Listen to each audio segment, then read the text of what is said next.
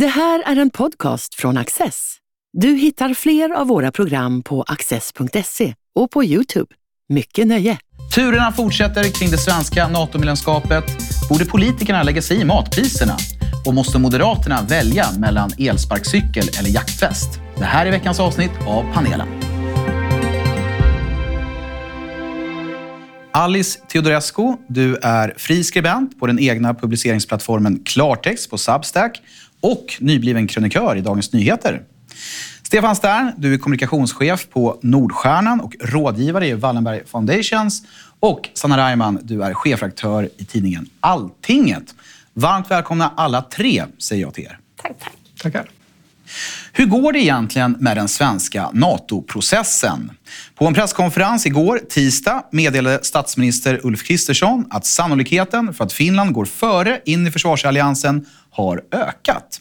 En tydlig skillnad i tonläge jämfört med för bara några veckor sedan då budskapet var helt fokuserat på att Finland och Sverige ska gå med samtidigt i NATO.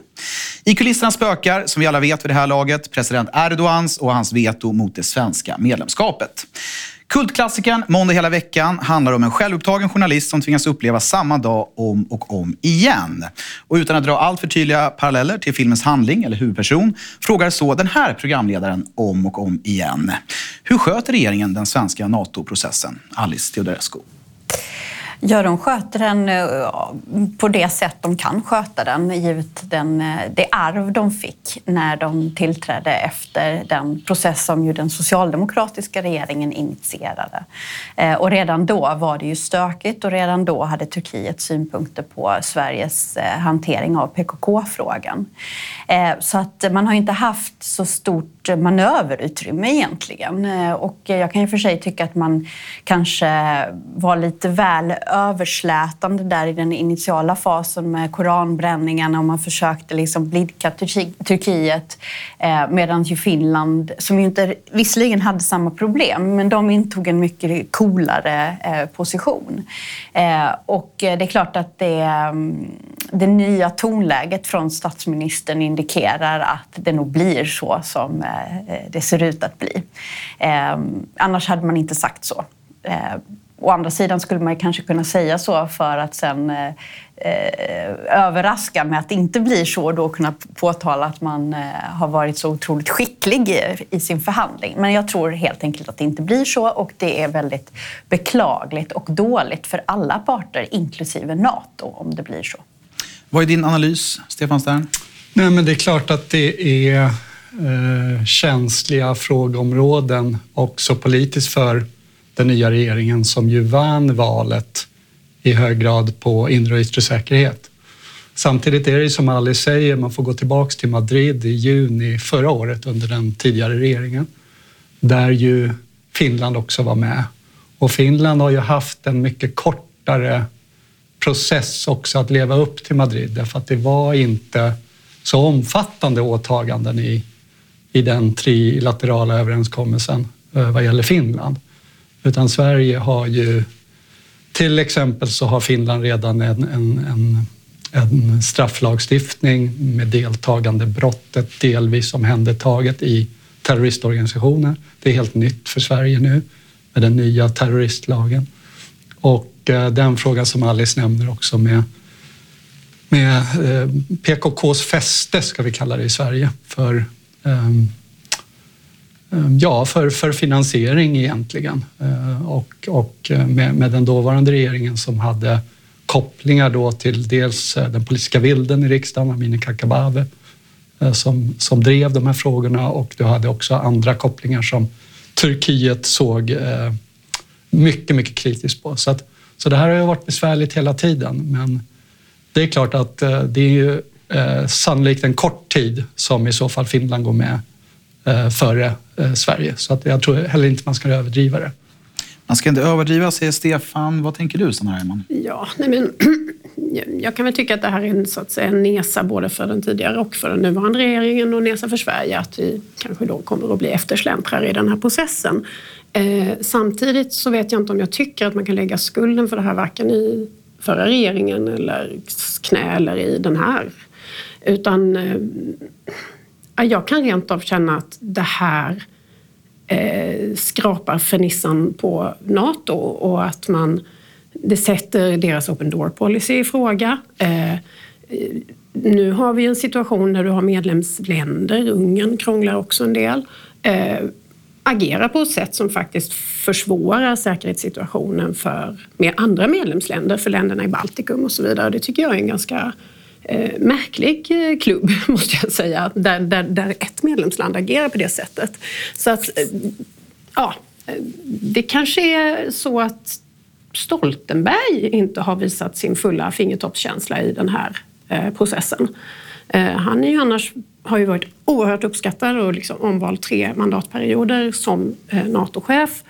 Mm, det har ju till och med pratats om att han eventuellt skulle behöva eh, bli, eller bes vara kvar en vända till. Mm, men jag vet inte. Jag, den, den förhandlingsskill som han har tillskrivits många gånger förut och så där har väl kanske inte riktigt fullt ut visats här. Jag tycker att eh, Sverige har lämnats lite åt sitt öde i den här processen på ett lite märkligt sätt. Sverige har ju försvarsgarantier från Storbritannien och USA. Eh, vilket då också statsministern understrykte, att vi är skyddade av, av, andra länder. Men hur allvarligt är det om Finland är medlem i Nato och Sverige står utanför under en längre period? Eh, Alice Turescu? Nej, men det är ju allvarligt. Dels därför att Finland och Sverige ju har upparbetat eh, ett försvarssamarbete och det kommer ju då sättas ur spel om Finland går in i Nato och Sverige stannar utanför. Därför att då är ju Finland eh, inkluderat i de förpliktelser som följer av NATO-samarbetet. Eh, och sen är det också så att de de utfästelser som har gjorts, bland annat av Storbritannien, ja, det är ju ingenting som man egentligen kan garantera och det är ju någonting som har utfäst av den nuvarande ministären.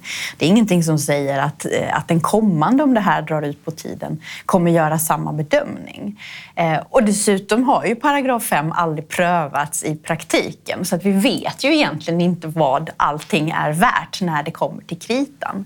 Så att det är, som jag sa, det här är är eh, dåligt för alla parter eh, och det är dåligt för Nato att man, precis som Sanna säger, inte förmår agera på ett unisont vis. För det här gör ju också att Putin och andra Eh, kan betrakta det här spektaklet. Och vi vet inte heller vilka lojaliteter som egentligen finns mellan Turkiet och Ryssland. Och att det finns väldigt mycket i bakgrunden som inte handlar om Sverige men där Sverige ändå har agerat som om man hade kunnat påverka väldigt mycket. När det egentligen har handlat mycket om turkisk inrikespolitik. Och där borde vi ha varit mycket mer eh, principfasta. Ja, men det är klart att det är ju sämre att vara utanför Nato än inuti, alldeles klart. Och det har det varit hela tiden? Ja, det har det varit länge. Och, men samtidigt ska man inte överdriva eh, heller problematiken och hur lång tid det tar. Om vi zoomar ut lite och tittar på hur lång tid det brukar ta med open door policy så, så har det gått eh, rekordsnabbt faktiskt vad gäller 28 ratificeringar. Det är två kvar. Och Sverige är trots allt säkrare nu än vad man var innan NATO-ansökan. Och Sverige har samövat med NATO, och samövat med Finland. Det går eh, inte att försvara Finland och delar av Baltikum och delar av NATO utan Sveriges kompetens i Östersjön och Gotland och så. så att man ska heller inte eh, liksom förstora upp eh, problematiken utan jag tror att det är mycket inrikespolitik i det här. Det är mycket eh, spel för den inhemska turkiska opinionen. Det går dåligt ekonomiskt. Turkiet har stora problem och Turkiet brukar historiskt allt från utnämningar inom Nato till eh, det som handlar om utvidgning av Nato använda situationen på ett liknande sätt. Så att eh, trots allt så, så tror jag att med, med lite tid så kommer det här lösa sig och det är viktigt för Sverige. Och med de orden får vi lämna NATO-frågan för den här gången. För nu ska vi prata om livsmedelspriser. Inflationen bara fortsätter att stiga och med den priserna på framförallt livsmedel.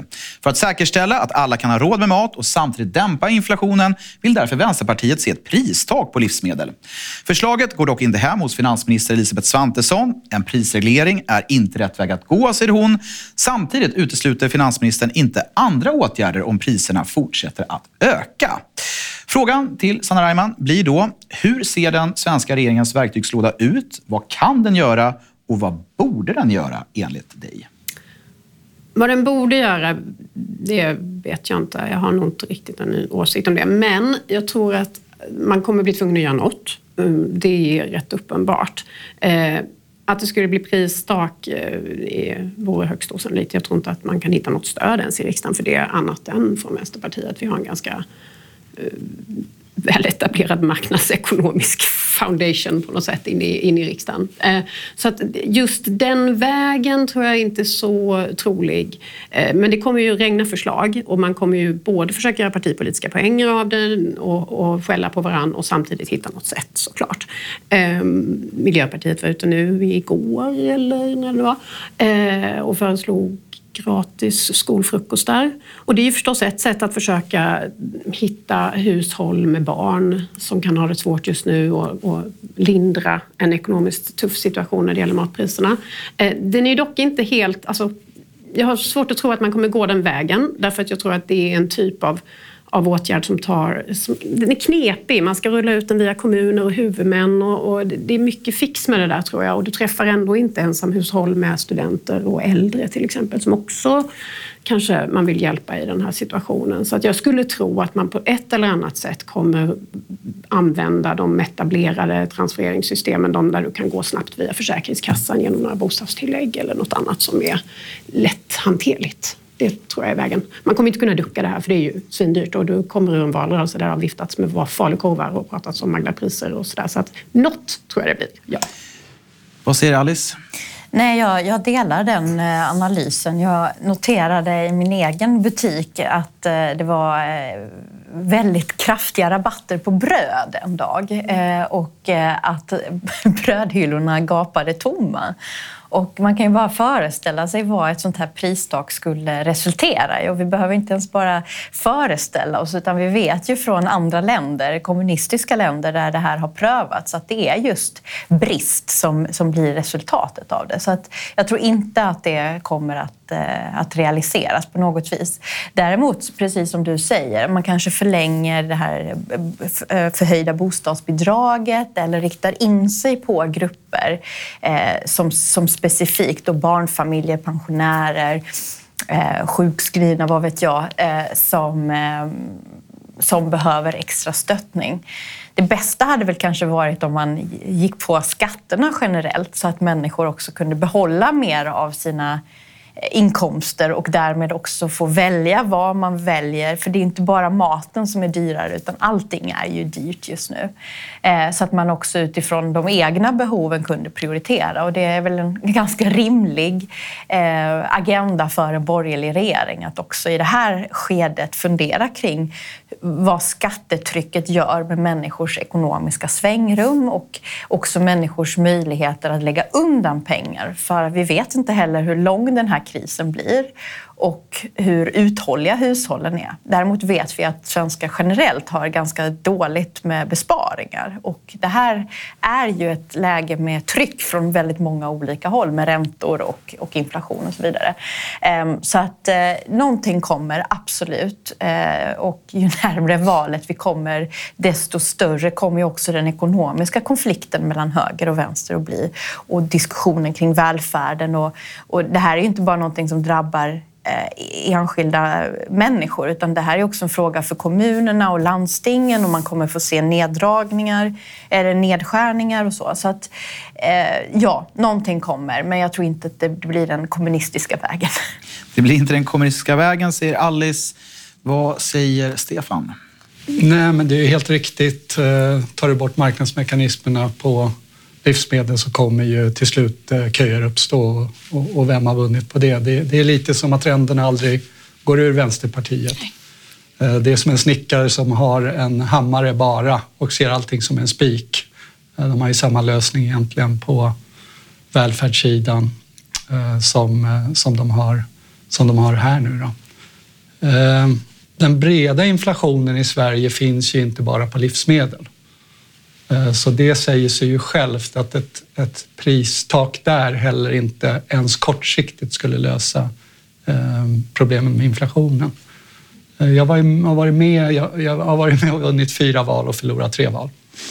Och jag minns ju valet 91 när Carlsson-regeringen hade infört just ett prisstopp och därtill ett lönestopp och förlorade valet 91. Förvisso kanske också av andra orsaker, men eh, det är så att säga inte ens opinionsmässigt någonting som går hem. Så att det här är, får man lägga på Vänsterpartiets ideologiska konto. Då. Eh, vad kan då regeringen göra? Jag, jag tycker ju att det principiellt är rätt att inte ha amorteringskrav till exempel.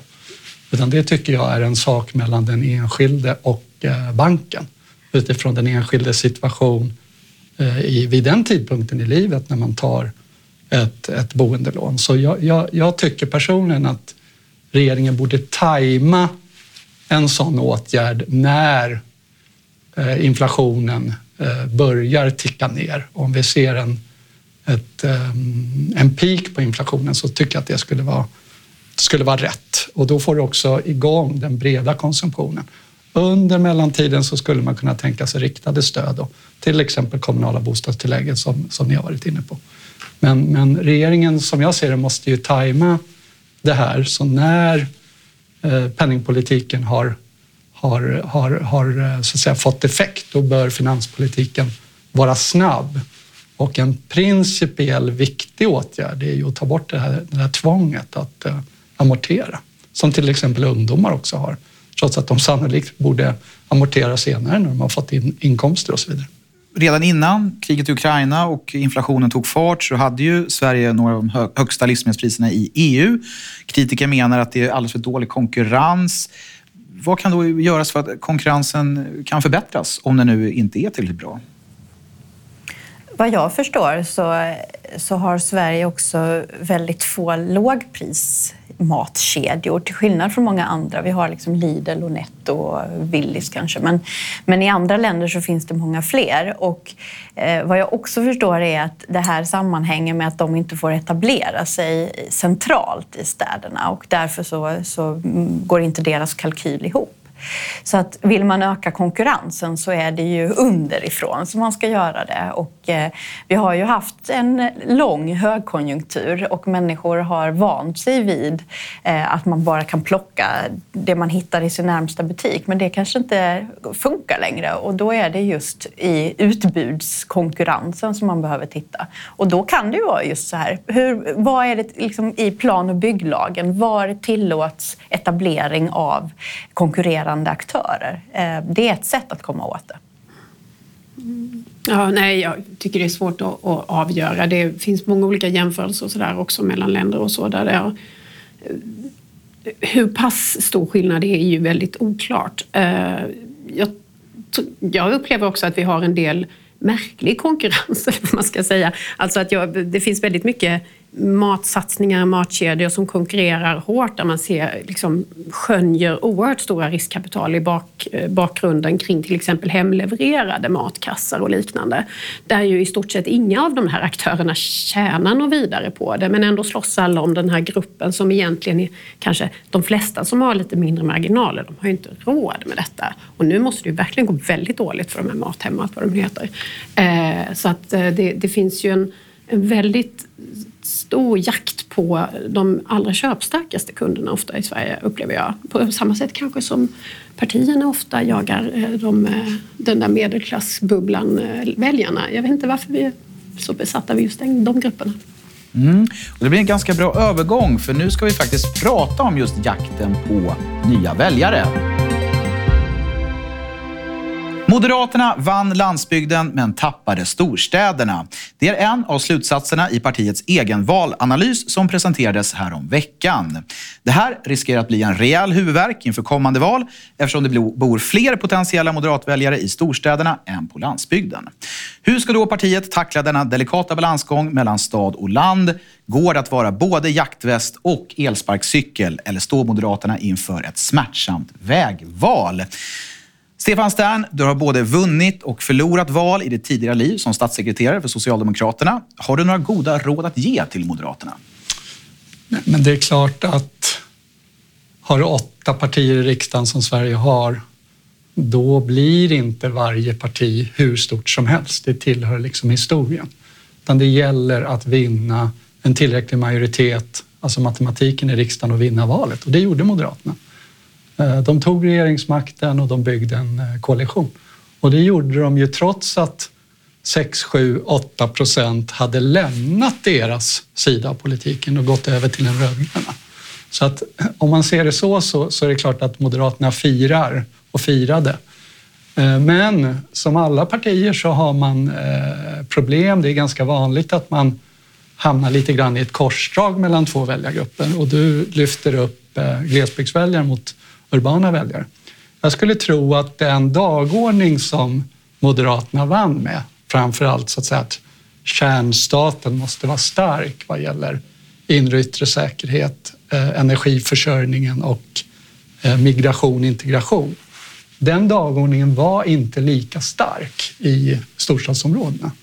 Eh, det är så att säga inte i storstäderna som bensinmacken har stängt och ehm, hotellet har blivit flyktinganläggning. Så att Eh, den dagordning som, som, som de vann valet på funkade inte lika starkt i storstäderna. Å andra sidan så har vi sett så många gånger att storstadsväljare, vad de eh, för tillfället lägger sin röst, är väldigt förgängligt. Det byts mellan mandatperioderna och eh, om nu Socialdemokraterna vann lite, lite fler i storstäderna än normalt sett så gjorde ju de det framför allt på Sverigedemokraterna. Alltså att inte Eh, de lovade att inte eh, ge Sverigedemokraterna inflytande och det kommer ju hinna hända mycket under den här mandatperioden. Eh, där, där, där S redan har deklarerat att de kan tänka sig att rösta på sverigedemokratiska förslag i riksdagen och så. Så att jag tror att de vann valet. De har tillsatt policygrupper för att politikutveckla inför nästa val. De är på bollen. Och jag tror att det är de partier som ännu inte har satt igång politikutvecklingen, det är de som ligger mer risigt till. Mm. Alice, du var ju med och tog fram eh, Moderaternas idéprogram för några år sedan. Vad är dina tankar kring den här eftervalsanalysen? Först så skulle jag vilja säga att det som har drabbat Moderaterna har ju också drabbat Socialdemokraterna eh, som ju gick fram starkt på Östermalm till exempel. Eh, så att det sker ju, och, och Centerpartiet eh, inte att förglömma. Så att det sker ju en rotation nu och väljarna är otrogna på ett helt annat sätt än tidigare vilket ställer alla partier inför ett svårt vägval. Därför att om Socialdemokraterna ska fortsätta med den fördelningspolitik och den, eh, den ideologiska uppfattning de har kring staten kontra individen och välfärdens omfattning och så vidare, eh, så är det inte säkert att de här väljarna som bara är emot SD i, håller med i de vägvalen som Socialdemokraterna då av ideologiska skäl egentligen borde göra.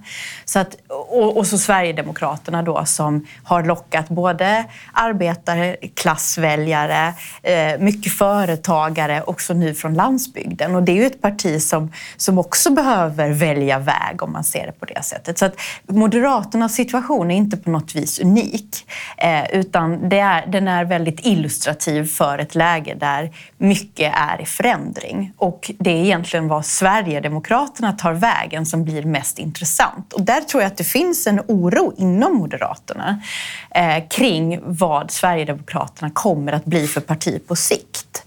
Och Eh, eftersom Socialdemokraternas möjligheter att återfå makten sammanhänger med Sverigedemokraternas vägval så är det ju helt osannolikt att Socialdemokraterna på sikt inte kommer att närma sig Sverigedemokraterna på det sätt som har skett i Danmark. Och Sverigedemokraterna och Socialdemokraterna har ju också egen majoritet i riksdagen. Så att jag tror att oron inom Moderaterna handlar mer om var SD kommer att landa. Det handlar om Eh, hur man ska locka tillbaka väljare som inte riktigt litar på att den omsvängning som har gjorts inom Moderaterna på migrationsområdet, att den är äkta och beständig. Och hur man ska liksom komma över det sår som finns bland många moderata väljare eh, och liksom eh, diskussionerna kring Reinfeldts arv och så. Det sitter väldigt djupt i många människor. Sanna? Alltså, dels har ju Moderaterna på något sätt flera ansikten och ser ut på ett visst sätt. I de alltså, lokalt i, i eh, storstäderna så är ju Moderaterna inte helt samma kanske som man är eh, centralt. Och, eh, det finns en peppigare. er, eh, man samarbetar med Miljöpartiet, har gjort i, i Stockholm och sådär. Så, så det, det, kan ju finnas sådana där saker som spelar in också för kärnväljare till exempel. Att man markerar på olika sätt. Men jag tror generellt att det alltså, analysen de gör är ju korrekt att det är ett stort problem och Moderaterna, ett stort parti kan inte tappa för mycket i storstäder för det är där flest väljare bor. Eh, och då är det ett problem. Eh, det är ju inte alls samma problem för ett litet parti om man inte har så starkt stöd för då kan du ändå tillgodoräkna Det är ett stort problem för Centerpartiet att de inte längre har landsbygden i fickan så att säga. Därför att det, det behöver man ju verkligen. Eh, jag tänker att en generell reflektion också nu när det har landat en del valanalyser det är ju att det finns ju en påtaglig vilsenhet i många partier. Att det är eh, lite svårt att orientera sig, det är ett nytt, nytt landskap. Eh, Moderaterna har den här problematiken, Socialdemokraterna har sin. Kanske ett mindre problem för ett stort parti för sig om de börjar växa i, i storstäder på olika sätt, även om Östermalm kanske inte är favoritplatsen för S. Ehm, men för Centerpartiet som tappar på landsbygden så är det ett stort problem Om man står där nu med en ny partiledare som hittills är mest känd kanske för att han har slagits på krogen för jättelänge sedan. Och det i sig är en tuff start. Ehm, Vänsterpartiet eh, hade förväntat sig en, en riktig skjuts, en Nooshi-effekt som uteblev. Eh, de gick också den här vägen att de först på ett profilerade sig lite mot kanske mer manliga väljare, mer landsbygd. Man försökte, det var många som var inne på den, det spåret. Eh, så att, och Miljöpartiet nej, blev inte, var också lite eh, pyspunka. Eh, så att det, det, är många som... Och, och det roliga, höll jag på att säga, är väl möjligen att det här kan ju göra att det blir mer märkligheter från partierna. Därför att man griper efter olika, så här, ja men vi ska göra det här för nu måste vi ta tillbaka initiativ. Det blir mer sådana här paniklösningar och konstiga utspel och sånt där. Inte nu i början av mandatperioden, men längre fram när man börjar hitta på vad man ska göra och sådär. Buttle tunnelbanan kanske? Ja men precis, ja. så det kan bli spännande. Det, jag tänker också att det kanske är så att just nu är är ett ovanligt bra läge att starta nya partier eller för små bubblapartier att kampanja fram sig och sådär. För att det faktiskt är lite identitetslöst och platt i många av de etablerade. Stefan Stern vill komma in. Ja, men vi får diskutera partibildningen våran sen. Mm.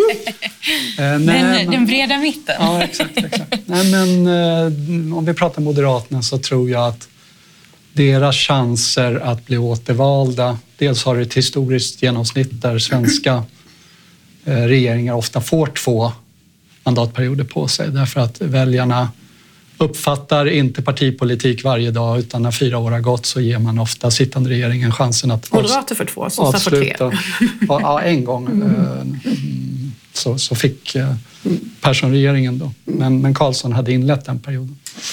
Nej, men den, det bygger framför allt på att när inflationen har kämpats ner så kommer eh, den sittande regeringen få en helt annan möjlighet att använda finanspolitiken igen.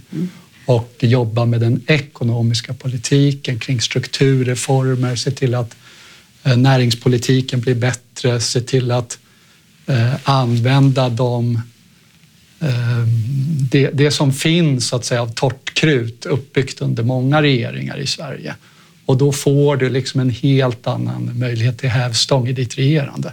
Parallellt med att eh, första spadtaget i, i marken måste bokstavligen har tagits kring vart reaktorn, den första nya reaktorn ska stå.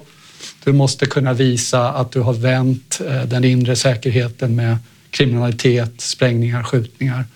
och viktigt. Eh, du måste ha så att säga, eh, kommit ner på Europas miniminivå vad gäller migration och, och börjat bekämpa utanförskapet kring integrationen och, och de som står utanför arbetsmarknaden. Kombinerar du det att du är på väg att, att eh, eh, göra det som du vann det förra valet på med en helt ny kraftfull ekonomisk politik där kanske skattesänkningsarsenalen för, för låginkomsttagare men också för medelinkomsttagare finns. Det är det som så att säga, kommer att avgöra. Och då, då dras liksom hela attraktionskraften upp, eh, både i urbana miljöer och i, och i glesbygden. Man, man tittar på Moderaterna, de har väldigt det finns ett antipatiindex i svensk politik. Där, där, där ligger SD högt, Vänsterpartiet ligger högt, eh, Miljöpartiet ligger jättehögt. Moderaterna har nästan inga väljare som säger att, att man tycker avsevärt illa om dem. Så om du, om du, om du ser mandatperioden framför dig så, så det är inte så att de ligger illa till bara för att det har varit ett första halvår här. Slutord, Alice Teodorescu. Mm, nej, men jag, jag, tänker att en annan sak som framhålls i, i, analysen är ju att man är orolig för att konflikten kommer stå mellan S och SD och inte mellan S och M som har varit de historiska kombatanterna. Och det där tror jag är, är fel utifrån det du just beskriver. Att dels så handlar det om att den här regeringen, jag tror ingen förväntar sig att de ska hitta en lösning på alla de här enorma samhällsproblemen, men man vill ha en annan riktning. Och kan man visa på den riktningen riktningen så kommer man komma långt. Men i takt med att SD-frågan blir mindre laddad i takt med att migrationsfrågan blir mindre laddad så har ju Sverigedemokraterna egentligen mycket mer gemensamt med Socialdemokraterna i synen på staten, i synen på, på den ekonomiska politiken. Och då är det ju mer naturligt just att konfliktytorna förflyttas tillbaka till de gamla positionerna och att det blir just en strid om hur man ska, eh, hur man ska återupprätta arbetslinjen Arbetslinjen 2.0, översynen av bidragssystemen. Alltså de här frågorna där det finns väldigt tydliga skiljelinjer mellan S och M. Så jag tror att vi går mer på sikt från kulturkrigets bastioner till den ekonomiska höger-vänster-skalan. Det tuffa för M blir ju om Socialdemokraterna blir varma i kläderna och kommer igång som oppositions parti, för det har de ju inte riktigt Nej. gjort än. Nej. Och där måste jag tyvärr dra ett streck i den här veckans avsnitt av panelen. Alice Teodorescu, Stefan Stern, Stanna Reimann, stort tack för att ni har varit med och stort tack för att ni har tittat. Du har just lyssnat på en podcast från Access. Du vet väl att vi också är en tv-kanal och tidning? Teckna en prenumeration idag på access.se.